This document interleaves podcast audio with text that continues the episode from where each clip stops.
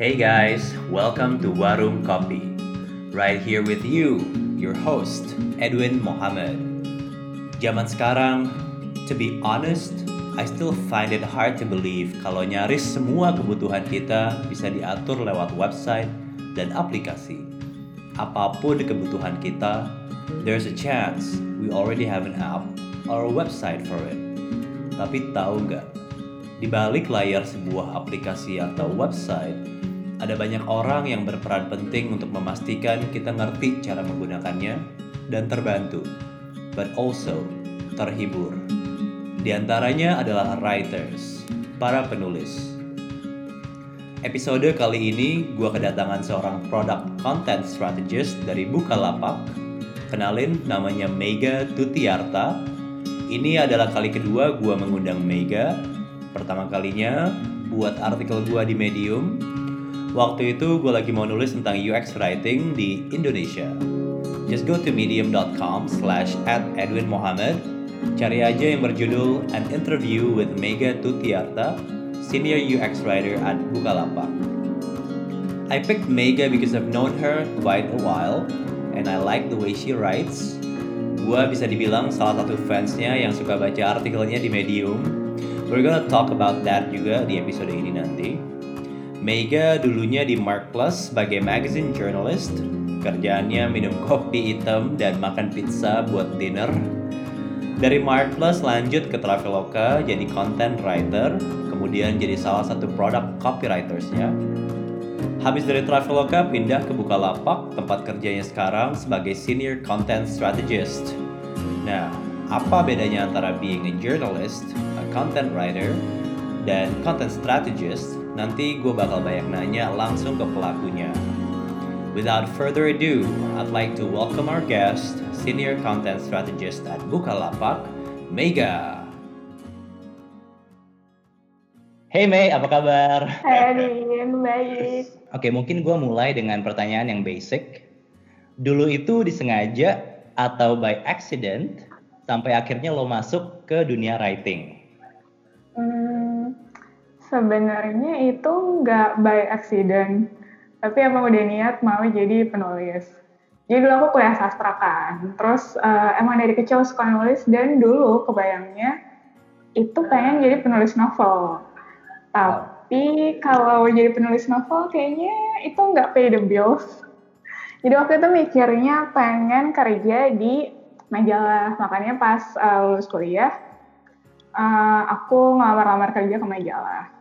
Oke, pertanyaan kedua gue adalah, since lo mengawali karir sebagai journalist, gue banyak denger nih, mm-hmm. banyak baca juga, kalau kerjaannya itu capek. Mm-hmm. Mungkin kayak dokter atau pilot, lo harus standby uh, setiap saat.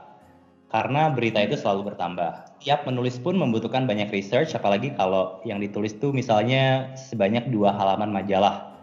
Mm-hmm. Pertanyaan gue, waktu itu gimana cara lo ngatur work and life balance? Waktu itu karena nulisnya kan uh, selain buat majalah itu nulisnya juga ada online.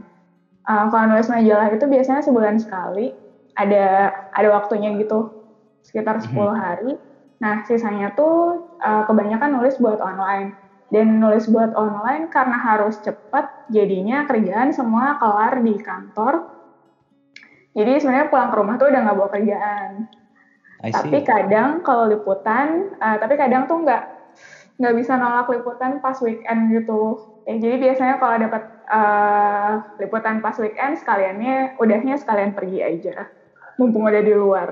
Berarti setiap tulisan yang lo publish di Mark Plus itu ada hmm. liputannya nggak sebelumnya? Iya, hampir selalu, eh, ja, jarang deh yang nggak ada liputannya. As in translate kan juga bisa tapi itu jarang banget. Uh, biasanya liputan kayak sehari bisa tiga kali karena kan liputan biasanya kayak ada acaranya. Jadi kan karena ini majalah, jadi liputannya tuh biasanya dapat undangan. Terus uh, sambil ada acara kayak gatheringnya gitu loh, either breakfast, lunch, or dinner. Bisa disummarize nggak kalau sebenarnya work and life di sana ya masih masih balance karena sering kali lu bisa pulang tanpa harus membawa kerjaan ya. Iya. Cuman yang challenging berarti di saat weekend kalau ada liputan mm -hmm. ya lo nggak bisa menolak ya waktu itu. Mm -mm. Challenge-nya okay. lebih ke ngatur timingnya sendiri sih. Sama pada masa itu nulisnya belum boleh mobile. Jadi kalau mau nulis aku harus balik ke kantor karena deketnya desktop uh, nyelesain semuanya di kantor terus ntar kayak pergi lagi gitu. Challenge-nya paling habis waktu di habis waktu di jalan sih sama ngatur-ngatur time managementnya sendiri. Wow. Lo bawa buku catatan ke mana-mana dong ya? Yes.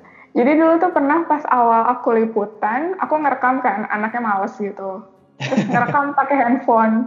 Ternyata rekaman itu aku nggak sadar itu di samping speaker jadi hmm. pas balik ke kantor ya udah rekamannya rusak karena ada magnetnya kan.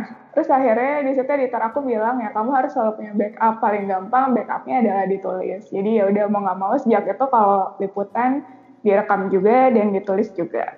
Jadi dulu aku punya notes kecil gitu yang dibawa ke mana-mana. Oke, okay, waktu itu setelah dari Mark Plus, kenapa hmm. lo decide untuk move on nih dari dunia journalism ke hmm. content writing? In other words, kenapa lo move on dari dunia majalah ke dunia startup? Um, jadi dulu sebenarnya pas kerja di majalah, meskipun sebenarnya work life balance-nya masih oke, okay, tapi personally aku nggak suka waktu habis di jalan gitu loh, karena bolak-balik nulisnya tadi nggak bisa mobile kan. Nah hmm. itu salah satu alasan kenapa aku resign waktu resign itu sebenarnya sempat idle three months uh, dan waktu itu mulai somehow kepikiran kayak uh, kayaknya aku nggak mau deh jadi jurnalis karena waktunya habis di jalan gitu dan apalagi pada masa itu nggak bisa mobile kerjanya. Okay. Terus akhirnya waktu itu cari-cari beberapa sempat cari-cari beberapa bidang, salah satunya PR sama uh, ini nulis secara digital dan kebetulan waktu itu aku kayak nemu research hasilnya Nielsen deh kalau nggak salah yang bilang okay. tentang industri di Indonesia. Nah, si hasil researchnya itu bilang kalau sampai 10 tahun ke depan, itu aku bacanya kayak akhir 2014 gitu. Si mhm. hasil hmm. researchnya itu bilang kalau sampai 10 tahun ke depan di Indonesia yang mulai nggak yang oke okay, industrinya itu startup. Nah dari situ mm-hmm. akhirnya aku mulai coba nih ngelamar-lamar ke startup, eh ternyata keterima. Oke okay, oke, okay. berarti bisa dibilang dari hasil research Nielsen itu yang mm-hmm. yang ngebantu decision lo untuk ke startup ya?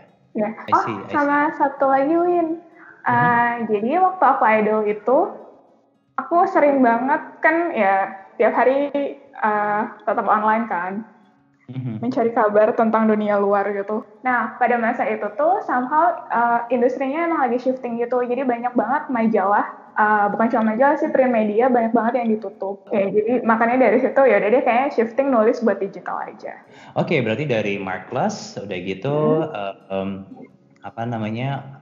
Lo lo pingin yang lebih mobile nih, lo nggak lo capek kalau harus menghabiskan banyak waktu di di perjalanan ya. Mm-hmm salah satu alasannya itu. Kemudian lo baca hasil research dari Nielsen hmm. yang yang apa ngasih insights kalau lo kalau industri startup lagi picking up nih. Itu yang bikin decision lo makin bulat buat pindah ke dunia startup. Terus pindah ke Traveloka sebagai content writer. Lo boleh ceritain sedikit nggak Mei tentang kerjaan lo sebagai content writer di Traveloka kayak gimana? Jadi tasnya emang tiap hari itu bikin tulisan yang bentuknya artikel lumayan panjang gitu. Outputnya bisa blog artikel, terus uh, description buat hotels. Karena pada masa itu di Traveloka lagi butuhnya konten-konten seperti itu kan. Terus hmm. kadang nulis SEO articles, advertorials, sama beberapa emails. Tapi aku lupa details emailnya tuh apa. Nah, waktu gue di Traveloka itu kan uh, eh, gue sempat jadi content writer juga. Cuman setelah jadi content writer kerjaan gue dan kerjaannya Mega itu misah gitu. Karena gue masuk ke dunia marketing um, dan Mega masuk ke dunia product design atau dunia desain yang kita kenal sekarang. Jadi karena misah tuh jadi jarang hampir nggak pernah kerja bareng sih waktu itu ya. Karena fieldnya juga beda Nah, gue jadi pengen tahu juga sih, Mei, di waktu lo jadi product copywriter berarti kan setelah jadi content writer, lo boleh ceritain tentang dua hal nggak? Your mm-hmm. happiest moments uh, and the second one, moments you found to be very challenging. Happiest moments, aku lumayan senang kalau dapat produk baru. Terus kayak hmm. karena produk baru kan biasanya kita ada kesempatan buat belajar knowledge baru. Terus ntar kita juga uh, challenge-nya bakalan baru kan. Terus pas hmm. produknya rilis itu biasanya senang banget gitu. Kayak punya anak lahir ya. Wow. Meskipun aku belum pernah punya anak ya. Uh, kalau yang very challenging, ini masih related. Jadi tiap produknya rilis atau pokoknya saat produknya udah live, itu kan kapan pun bisa ada isu kan. Mm-hmm. Nah, uh, kalau di produk uh, itu paling gampang uh, quick fixnya itu kayak ngebenerin kopi. Jadi saat-saat setelah rilis kayak seminggu atau dua minggu setelah rilis itu biasanya lumayan menegangkan karena biasanya kayak lumayan banyak firefighting yang kopinya tuh di adjust adjust gitu. Mm-hmm. Sama kalau ada isu yang lumayan kritikal biasanya uh, dapat kayak suruh bikin email gitu loh buat menangin customernya. Itu kayak lumayan sering dan lumayan deg-degan. Apa yang bikin lo deg-degan waktu bikin email? Karena challenge-nya lebih kayak gimana caranya nenangin customer, sementara kita nggak bisa lihat nih customer itu lagi kayak gimana sebenarnya kondisinya. Terus kita hmm. harus ngejelasin apa yang terjadi, tapi uh, harus pakai bahasa yang mereka ngerti tapi kita hmm. juga nggak harus kita juga nggak boleh over apa ngejelasin terlalu banyak itu sangat challenging sih kayak tailor message-nya terus nenangin mereka dan kadang bisa jadi emailnya nggak cuma satu gitu ada lanjutan. Gimana biasanya cara lo mengira-ngira si user ini lagi ngapain sih uh, hmm. supaya nanti teks atau copy yang lo kirim ini bisa nenangin mereka. Jadi waktu itu tiap kali dapat assignment kayak gitu, biasanya ada dibilangin itu, eh ini customer kita lagi marah loh. Atau kita nggak mau customernya marah, atau makin marah gitu. Mm-hmm. Jadi biasanya dari situ aku kayak, oh ya udah nih, aku ngebayanginnya gimana ya orang kalau lagi marah, orang yang general aja. Dan mm-hmm. kalau lagi marah, uh, cara uh, bikin mereka calming down-nya gimana? biasanya ngira-ngiranya dari situ aja. Oke, okay, berarti ketika lo ngerjain kopi itu lo harus banyak menebak-nebak justru ya kayak putting hmm. yourself in their shoes kalau lagi marah, kira-kira yeah. gimana ya seseorang bisa nenangin gue kayak gitu ya. Sang biasanya ada insights bukan dari researcher sih, tapi lebih dari complaints yang masuk gitu. Dan biasanya tuh orang yang ngasih assignments, either PM or uh, ya siapa lah stakeholdernya, dia biasanya bawa insights itu. Untuk dapetin insights tentang user kita ini uh, mm-hmm. emotional state-nya gimana itu biasanya mm-hmm. dari researcher kan but you yeah. actually point out an interesting view kalau selain dari researcher sebenarnya kita bisa ngecek dari list of complaints yang yang kita terima. Iya.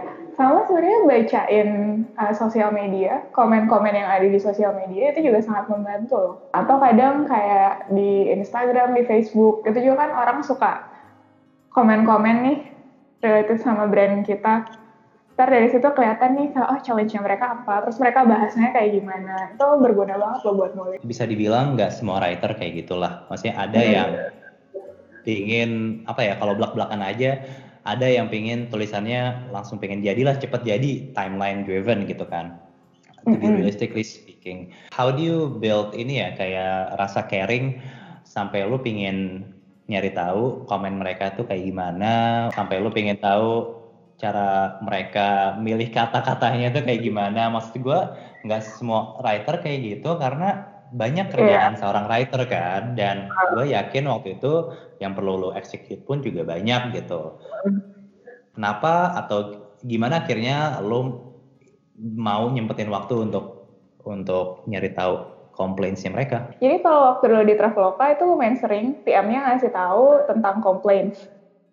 Jadi hmm. mereka bakalan uh, kayak nge apa sih nge-compile gitu karena ini isu-isu yang paling banyak tuh komplainnya tentang ini gitu.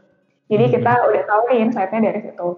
Terus soal baca-baca sosial media, jadi waktu awal aku masuk ke produk itu sebenarnya kayak lumayan challenging karena ya itu tadi Win kayak nulisnya harus buat semua orang, audiensnya diverse banget Terus mm-hmm. ya banyak hal yang abu-abu gitu lah. Terus akhirnya waktu itu disuggest sama mentorku, coba lihat, uh, coba cek bahasanya orang-orang dari uh, bahasa dan behaviornya juga sih dari dengan bacain sosmed. Terus sebenarnya itu aku lakukan cuman pas awal-awal doang, cuma buat ngebayangin nih kira-kira audiensnya kayak apa ya. Tapi dilakukan sekali cuman dalam kayak ada semingguan gitu yang lumayan rutin ngeliatin orang nih bahas komplain apa aja ya. Terus uh, dari kan itu kelihatan tuh seminggu apakah bahasannya sama, apakah beda-beda, terus orangnya sama, komplain lagi apa enggak.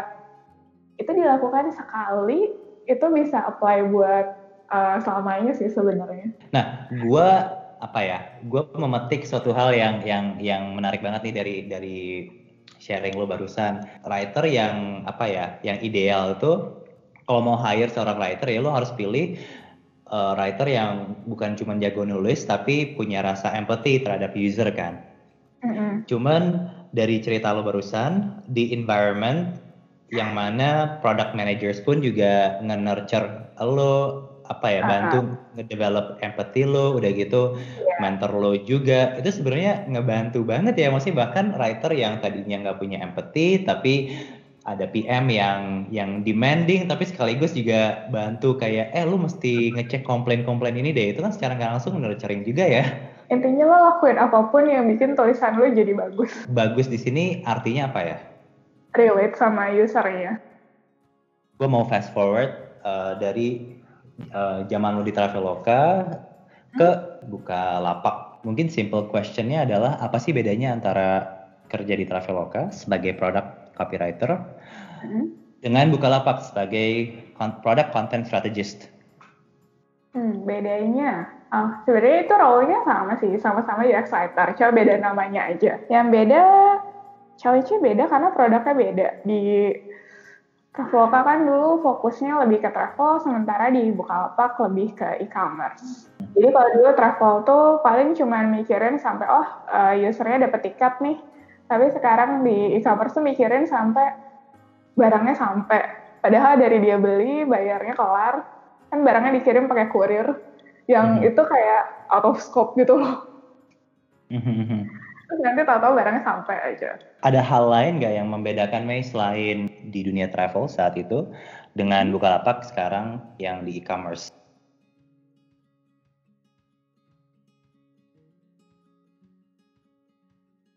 Uh, karena mereka menyasar user yang beda, eh produknya beda, usernya udah pasti beda kan, terus bahasanya hmm. juga beda. Kalau nulisnya sendiri, bahasanya itu kayak lumayan challenging sih.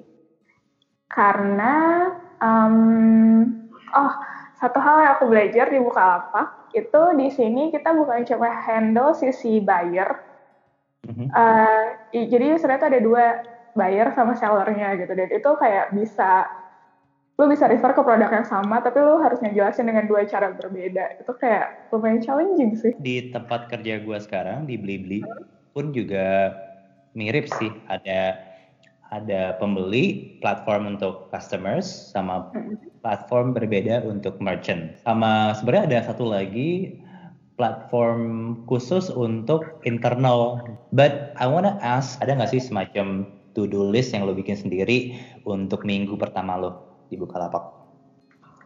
Jadi waktu itu sebelum masuk aku udah siap-siap kayak uh, nyobain produknya, nyobain hmm. produknya sambil uh, analyze kopinya. Kayak kira-kira apa nih yang masih belum clear, yang masih bisa diimprove. Pas udah masuk aku uh, nanya konteksnya gitu, kenapa sih sampai kayak gitu. Baru uh, setelah itu ya bareng-bareng kan uh, decide lagi uh, better nextnya kopinya kayak gimana nih ngomongin soal konteks, pernah nggak dapet konteks yang kurang jelas dari PM atau mungkin dari siapa pun yang hmm. yang nge, yang memberi request ke lo? Ah tentu saja pernah. Kayaknya dilema untuk banyak writers ya. Iya, uh, tapi biasanya aku nulis gitu kayak uh, sebagai writer apa sih yang aku butuhin gitu sebelum nulis. Kan uh, lama-lama kita bakalan tahu kan apa aja kebutuhan kita. Selain produk konteksnya, uh, product context as in general requirements terus uh, restriction kayak gitu-gitu. Uh, biasanya aku nanya juga soal uh, ini kopinya bakalan muncul di mana aja, terus munculnya seberapa sering, Karena itu kan bakal ngaruh ke gimana kita tailor message-nya kan. Sama kayak restriction words-nya ada enggak. Uh, karena biasanya kalau sama third party itu kayak ada kata-kata yang uh, mereka nggak mau mention.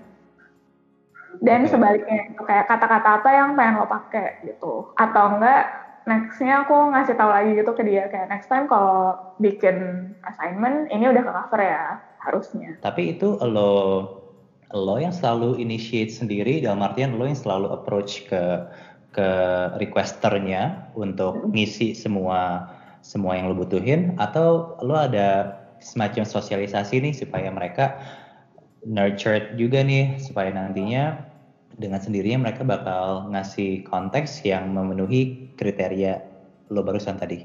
Hmm. Waktu awal aku masuk sini itu sempat di-share ke ke yang kerja bareng aku gitu. Tapi kan uh, ya tiap hari kita kerja di startup, tiap hari ada orang baru. Terus kadang Mhm. orang bisa lupa. Jadi ya being flexible aja. Kalau misalnya mereka lupa ya diingetin lagi gitu.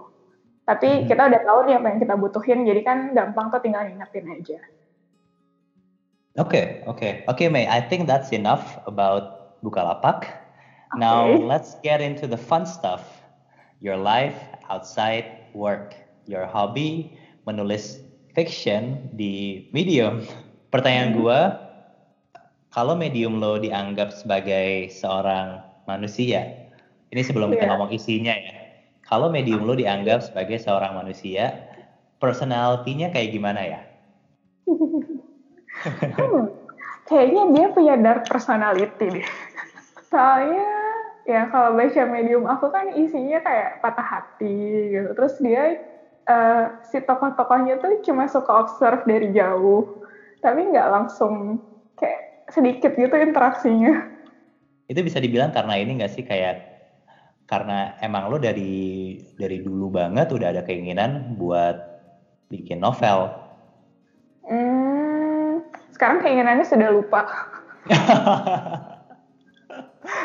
Eh, ini sebenarnya eh, murni buat exercise sih, Win. Karena eh, kan aku kerja sebagai penulis nih.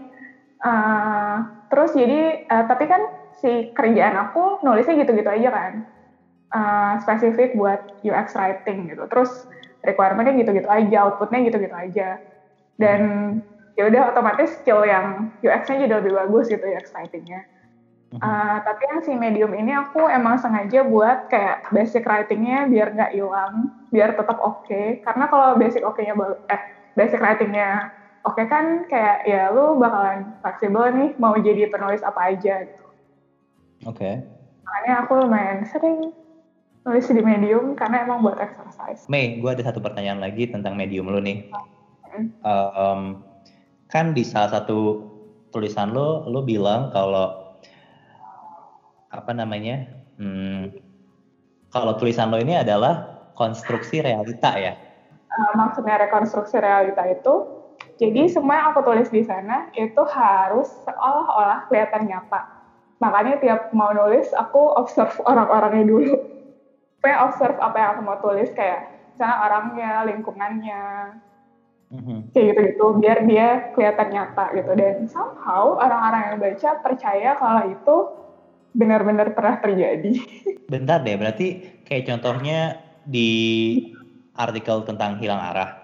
Apakah yang lo maksud observe di sini, lo beneran naik mobil bareng seseorang malam-malam atau gimana? iya. Wow, oke, wow. Atau kalau misalnya, atau mungkin nggak sengaja juga ya, tapi kayak pas. Jadi hmm, biasa biasanya kayak pas sambil main sama teman-teman gitu, pas lagi di mobil misalnya kebetulan, ntar aku kayak ngamatin detailnya gitu, kira-kira oh eh, apa aja ya orang yang lakukan di dalam mobil kayak gitu gitu. Misalnya kayak oh sambil buka gym, sambil ngobrol, tapi ngobrolannya nih apa sih kalau lo lagi di perjalanan kayak gitu gitu. That was my last question tentang medium lo. This is my last question buat episode ini. Oke. So, my question, my last question is, kalau gue mau jadi penulis di startup segede Traveloka atau Bukalapak, how do I get there? tentu nulisnya harus uh, basic writingnya harus udah oke. Uh, kayaknya selama writingnya udah bagus, uh, itu kemungkinan besar bakalan keterima. Bakalan lebih bagus lagi kalau punya knowledge uh, tentang uh, writing yang buat uh, UX. Okay, what about in terms of personality supaya writers kan macam-macam hmm. personality-nya supaya gue bisa menyatu nih dengan para penulis di di Bukalapak atau di Traveloka let's say. Hmm. Kalau di startup mau nggak mau harus belajar sendiri, harus proaktif. Hmm, ini semua company mungkin kayak gitu ya sekarang harus proaktif ya kayak tadi misalnya dapat assignment konteksnya nggak jelas ya harus berusaha ngejar konteksnya gitu. Terus harus rajin-rajin belajar sendiri sih, belajar tentang uh, kebutuhan usernya, kayak language-nya kayak gimana, sama ya belajar tentang produknya itu sendiri. Oke okay, May, well thanks so much for being one of my guests. Oke. Okay. Oke, okay, sampai jumpa di episode berikutnya. Bye.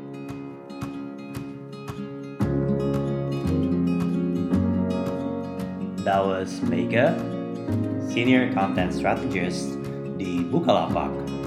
Thanks for tuning in.